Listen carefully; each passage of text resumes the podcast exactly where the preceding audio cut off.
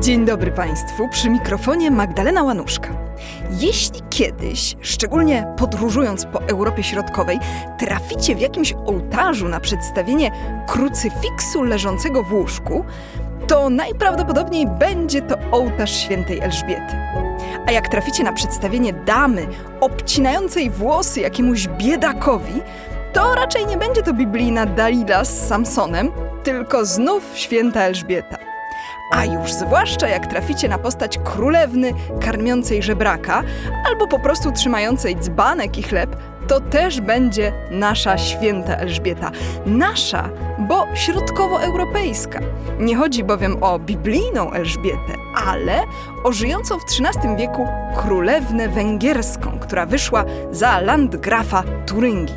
Dziś zatem zapraszam do wysłuchania opowieści o niektórych ciekawych i czasem dziwnych przedstawieniach związanych z legendą tej właśnie świętej.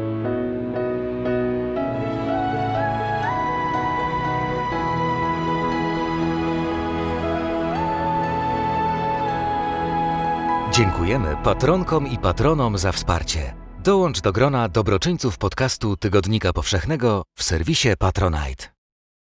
Miałam ostatnio przyjemność wgryźć się w najnowszą książkę profesora Iwana Gerata z Bratysławy, Iconology of Charity, poświęconą legendom świętej Elżbiety Węgierskiej. I tak sobie pomyślałam, że dziś opowiem Państwu właśnie o niej i o przedstawieniach ilustrujących jej legendę, które czasem są bardzo zaskakujące. Sama święta Elżbieta Węgierska to już jest bardzo ciekawa postać. No, jakby nie było, jest ona nasza, środkowoeuropejska.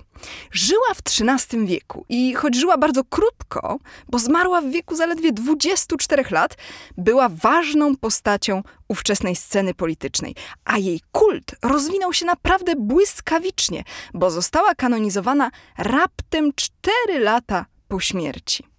Ogólnie można powiedzieć, że XIII-wieczny dwór węgierski wyprodukował naprawdę sporo świętych księżniczek. Wiele z nich miało też powiązania z Polską i naszymi piastami, no, siłą rzeczy, bo oczywiście tutaj w Europie Środkowej takie polsko-węgierskie małżeństwa były często zawierane, rzecz jasna z przyczyn politycznych. Elżbieta była córką króla Węgier Andrzeja II z dynastii Arpadów. Urodziła się w 1207 roku. Bratem Elżbiety i następcą węgierskiego tronu był Bela, późniejszy król Bela IV i aż trzy z jego córek, czyli bratanic Elżbiety, również zostały wyniesione na ołtarze. A mianowicie nasza święta Kinga, żona krakowskiego księcia Bolesława Wstydliwego, błogosławiona Jolenta, żona księcia wielkopolskiego Bolesława Pobożnego i święta Małgorzata, dominikanka, na cześć której została nazwana Wyspa Świętej Małgorzaty w Budapeszcie. Jeśli zaś chodzi o samą Elżbietę, to ona została wydana za mąż za Ludwika, późniejszego landgrafa Turyngii w środkowych Niemczech. I dlatego też bywa nazywana Elżbietą z Turyngii. On był od niej starszy o 7 lat, została z nim zaręczona jak miała 4 lata i od razu przeniosła się na dwór turyński, więc w sumie dorastała już tam na miejscu. Kiedy osiągnęła poważny wiek 14 lat, poślubiła swojego narzeczonego. Wedle zachowanych przekazów miało to być naprawdę szczęśliwe małżeństwo, chociaż niektóre legendy mówią o nieco dziwnych epizodach z ich związku, o czym powiem za chwilę. W każdym razie Elżbieta była bardzo pobożna, a jej mąż Ludwik również, do tego stopnia, że otrzymał przydomek święty, mimo że w sumie nigdy nie został oficjalnie kanonizowany. Para doczekała się trójki dzieci, jednego syna i dwóch córek. Niestety ich małżeńskie pożycie trwało jedynie sześć lat. Oto bowiem w 1227 roku pobożny landgraf Ludwik udał się na wyprawę krzyżową. Wedle przekazów Elżbieta wspierała bardzo jego wolę walki o Ziemię Świętą, ale zarazem strasznie przeżywała rozstanie. Mm, autor jej żywota, Dietrich von Apolda, mm, wspomniał, że owo rozstanie przyprawiło Elżbietę nie tylko o łzy, rozpacz i drgawki, ale nawet o niepokoje jelitowe. No, niestety Ludwik z Krucjaty nie wrócił. Zmarł po drodze na gorączkę, jeszcze w Italii. Elżbieta miała stwierdzić, że wraz ze śmiercią męża cały świat dla niej umarł. No ale jednak nie do końca, ponieważ Elżbieta miała małe dzieci oraz swoją wielką pasję, a mianowicie dobroczynność. I ta jej działalność charytatywna, w przekonaniu jej szwagra, wymknęła się nieco spod kontroli. Generalnie sytuacja była taka. Elżbieta owdowiała w momencie, kiedy jej syn miał niecałe pięć lat. Rządy w Turyngii w jego imieniu objął wuj, brat zmarłego Ludwika, Henryk. I temu wujowi nie bardzo się spodobało, że Elżbieta jest gotowa cały niemal majątek przeznaczyć na cele dobroczynne. Ostatecznie konflikt między nimi doprowadził do tego, że Elżbieta wyniosła się z dworu w Wartburgu, czy też, jak mówią niektóre przekazy, została wypędzona. Niestety, już wcześniej w życiu naszej świętej Elżbiety pojawiła się postać, którą chyba powinniśmy nazwać toksyczną. Mianowicie niejaki Konrad z Marburga, duchowny i inkwizytor, który wyrobił sobie jak najgorszą opinię, tropiąc heretyków. Podobno był po prostu niesprawiedliwy oraz zawsze zakładał, że oskarżony jest winny, wszystkich chciał posłać na stos. Znienawidzono go tak bardzo, że pewnego dnia został po prostu zamordowany. Ale zanim to się stało, Konrad został duchowym doradcą Elżbiety.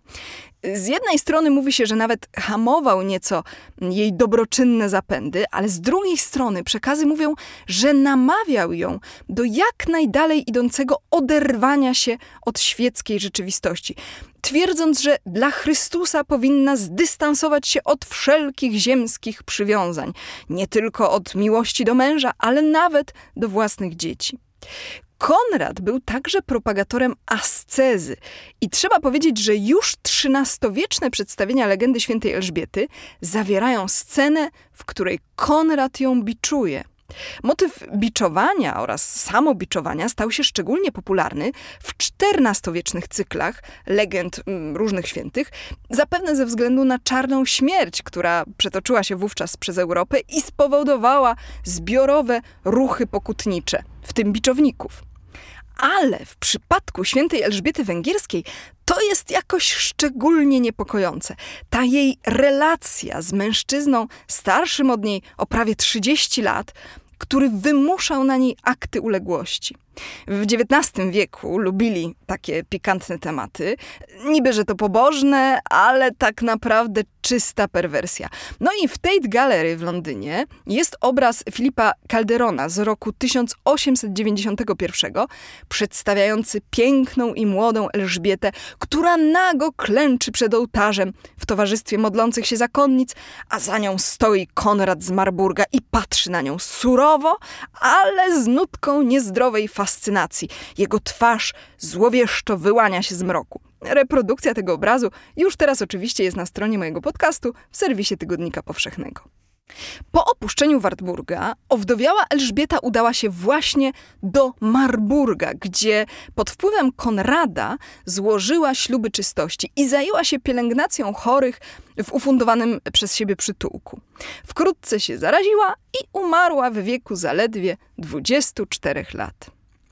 Konrad z Marburga szybko zakręcił się za tym, żeby kult jego podopiecznej został zatwierdzony. Chociaż sam nie dożył jej kanonizacji w 1235 roku, bo jak wspomniałam, został zamordowany. Tak czy inaczej, głównym miejscem kultu świętej Elżbiety stał się kościół w Marburgu, należący do krzyżaków, tak jest, proszę Państwa, tych naszych ulubionych krzyżaków, bo tak się składa, że w 1234 roku do tegoż zakonu wstąpił inny Konrad, a mianowicie kolejny brat świętej pamięci Ludwika, męża Elżbiety, czyli jej drugi szwagier. Mało tego, w pięć lat później został wielkim mistrzem zakonu. No i oczywiście uznał, że po śmierci święta bratowa może się rodzinie wizerunkowo bardzo przydać. Więc krzyżacy zadbali o to, żeby kult świętej Elżbiety celebrować. W samym jej kościele w Marburgu jest jej legenda między innymi w cyklu witraży i oczywiście na jej relikwiarzu. Piękny relikwiarz ma kształt sarkofagu. Jest wykonany z drewna obitego blachą miedzianą, złoconą i srebrzoną. No, w środku jednak Elżbieta nie leży sobie w całości, gdyż, no jak to było w zwyczaju, jej głowę wsadzono do osobnego relikwiarza.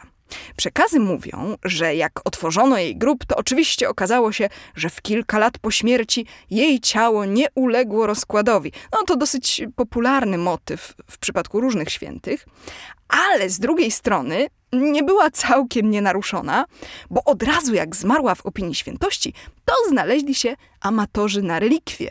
I podobno trochę popcinali, głównie włosy i paznokcie, ale też zdaje się jej uszy, w każdym razie uznano, że relikwia głowy lepiej wygląda, kiedy ma formę samej czaszki. No i do takiego stanu jej głowę doprowadzono. Zazwyczaj uważa się, że relikwiarz na głowę świętej Elżbiety mm, to dzieło sztuki, które dziś znajduje się w jednym z oddziałów Muzeum Narodowego w Sztokholmie. Ale oprócz tego mówi się, że głowa świętej Elżbiety jest w Wiedniu, w Brukseli, Besançon, w Bogocie i w Viterbo. No jak to mówią, co dwie głowy to nie jedna, a sześć głów to już w ogóle jest szaleństwo. Sztuka powszechnie nieznana. Opowiada Magdalena Łanuszka. Jednym z najważniejszych centrów kultu świętej Elżbiety Węgierskiej jest katedra w Koszycach, dawny kościół parafialny pod wezwaniem właśnie świętej Elżbiety. Dziś Koszyce znajdują się na Słowacji, ale w późnym średniowieczu to było jedno z najważniejszych miast w Królestwie Węgier. Bogaci mieszczanie z tętniącego życiem miasta chętnie widzieli jako swoją świętą patronkę nie jakąś pustelnicę, zakonnicę czy męczennicę, ale przedstawicielkę elit, która była żoną i matką, a do świętości doszła głównie dzięki działalności charytatywnej. Bogacze lubili myśleć, że wszelkie grzechy związane z zarabianiem pieniędzy można zmyć za pomocą jałmużny. To właśnie w katedrze w Koszycach znajduje się przepiękny późnogotycki ołtarz, datowany na lata 70. XV wieku, który zawiera przedstawienie legendy świętej Elżbiety. Kwatery z tego ołtarza oczywiście już teraz są na stronie mojego podcastu w serwisie Tygodnika Powszechnego. Ogólnie rzecz biorąc, żywoty świętej Elżbiety podkreślały fakt, że z pobożności często naruszała ona obowiązujący porządek społeczny. Zachowywała się niezgodnie ze swoją pozycją. Potrafiła oddać biedakowi cenną szatę, w której miała jako żona landgrafa przyjmować dostojnych gości. Kiedyś osobiście zabrała się za dojenie krowy, aby dać mleko potrzebującej kobiecie. Najgorsze jednak było to, że miała ciągoty pielęgniarskie. Chciała osobiście zajmować się ciężko chorymi żebrakami i kalekami, obmywając własnoręcznie ich rany oraz obcinając ich zawszone kudły. Jedne z najciekawszych przedstawień świętej Elżbiety to właśnie te, w których obcina ona komuś włosy. Zazwyczaj przy pomocy dość dużych nożyc, które w średniowieczu miały formę takich jakby widełek z dwóch ostrzy połączonych na jednym końcu. Zapraszam oczywiście do obejrzenia reprodukcji na stronie mojego podcastu. W ogóle chciałabym podkreślić, że w średniowieczu zdawano sobie doskonale sprawę z tego, że jednym z podstawowych warunków zdrowia jest higiena. Leczenie chorych polegało między innymi na myciu ich. Chociaż mało kto, tak jak święta Elżbieta, dobroczynnie zajmował się osobistą pielęgnacją brudnych potrzebujących, to popularnym działaniem charytatywnym było na przykład fundowanie dla biedaków wejściówek do miejskich łaźni. No, ale Elżbieta czasami przesadzała z tymi chorymi i żebrakami, no bo jednak zamężna dama nie powinna była obmacywać w ramach kąpieli nagich mężczyzn, a już zupełnie niewłaściwie zachowała się pewnego razu, kiedy położyła ciężko chorego, owrzodzonego mężczyznę w małżeńskim łożu, które dzieliła z Ludwikiem. Nic dziwnego zatem, że jej mąż, jakkolwiek generalnie pobłażliwy, trochę się jednak zdenerwował na wieść, że żona ma w ich łożu innego faceta. Kiedy jednak wkroczył do komnaty sypialnej, stał się cud. Oto zamiast krwawiącego chorego Landgraf ujrzał w pościeli krucyfiks. Zamiast plam z krwi i osocza, pościel wokół ukrzyżowanego Chrystusa była usłana czerwonymi i białymi różami. Ten cud także ilustrowany był w legendach świętej Elżbiety, w rękopisach albo ołtarzach jej poświęconych. A swoją drogą powiem Państwu, że koncepcja krucyfiksu w łóżku wcale nie musi być całkowicie abstrakcyjna. Pełne i późne średniowiecze to był czas rozkwitu specyficznych form pobożności. Przykładowo, żyjąca na przełomie XIII i XIV wieku dominikanka, błogosławiona Małgorzata Ebner, miała w zwyczaju kłaść się do łóżka z krucyfiksem naturalnej wielkości, który kładła na swoim ciele. Wróćmy jednak jeszcze do świętej Elżbiety. Ogólnie jej mąż, czyli Landgraf Ludwik, ze zrozumieniem przyjmował większość jej dziwnych zachowań, wynikających z pobożności, ale czasem i jemu kończyła się cierpliwość. Jest taki fragment legendy świętej Elżbiety, który właściwie nie do końca wiadomo, jak interpretować. Został on zilustrowany w czeskim rękopisie Liber de Pictus z XIV wieku, przechowywanym dziś w Austriackiej Bibliotece Narodowej w Wiedniu. Otóż pewnego razu jakiś rycerz miał otrzymać od Elżbiety rękaw z jej płaszcza.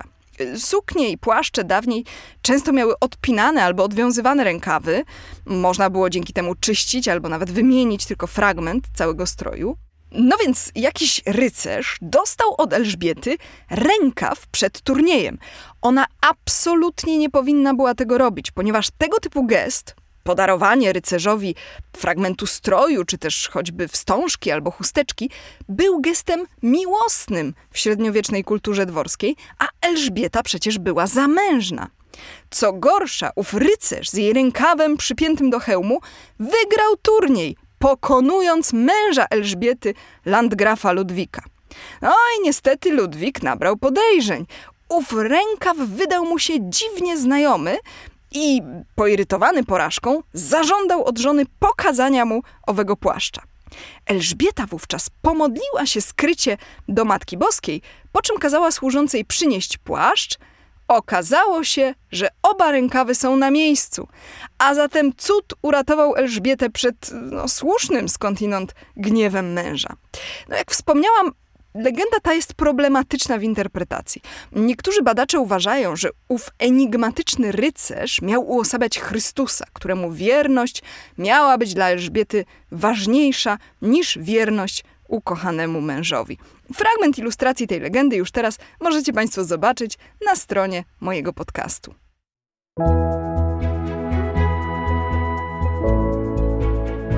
Tak to często bywa ze średniowiecznymi legendami, że gdy je dzisiaj uważnie czytamy, to mamy względem świętych bohaterów mieszane uczucia. Święta Elżbieta Węgierska może nam się dzisiaj jawić jako postać dość problematyczna. Młodziutka dziewczyna, która poddała się pod wpływ groźnego inkwizytora, dla której nie do końca dobrze rozumiana pobożność była pretekstem do zachowań niewłaściwych z punktu widzenia jej męża i która wreszcie jako młoda wdowa w zasadzie porzuciła troskę o swoje kilkuletnie dzieci, poświęcając się całkowicie działalności, która doprowadziła do jej przedwczesnej śmierci. Ale oczywiście jej legenda stała się tematem wspaniałych, późnogotyckich dzieł środkowej Europy, rzeźb, obrazów, rękopisów, które teraz serdecznie Państwa uwadze polecam. A szczególnie warto wybrać się do słowackich Koszyc, odwiedzić wspaniałą gotycką katedrę świętej Elżbiety. To w końcu całkiem niedaleko. Tymczasem dziękuję za wysłuchanie tej opowieści. Zapraszam na moją stronę posztukiwania.pl i do usłyszenia za miesiąc. Magdalena Łanuszka. Jeśli słuchają nas Państwo w Spotify albo w Apple Podcast, zasubskrybujcie nasz kanał. Jesteśmy też w Google Podcast i w aplikacji Lekton oraz na www.tygodnikpowszechny.pl/podcast.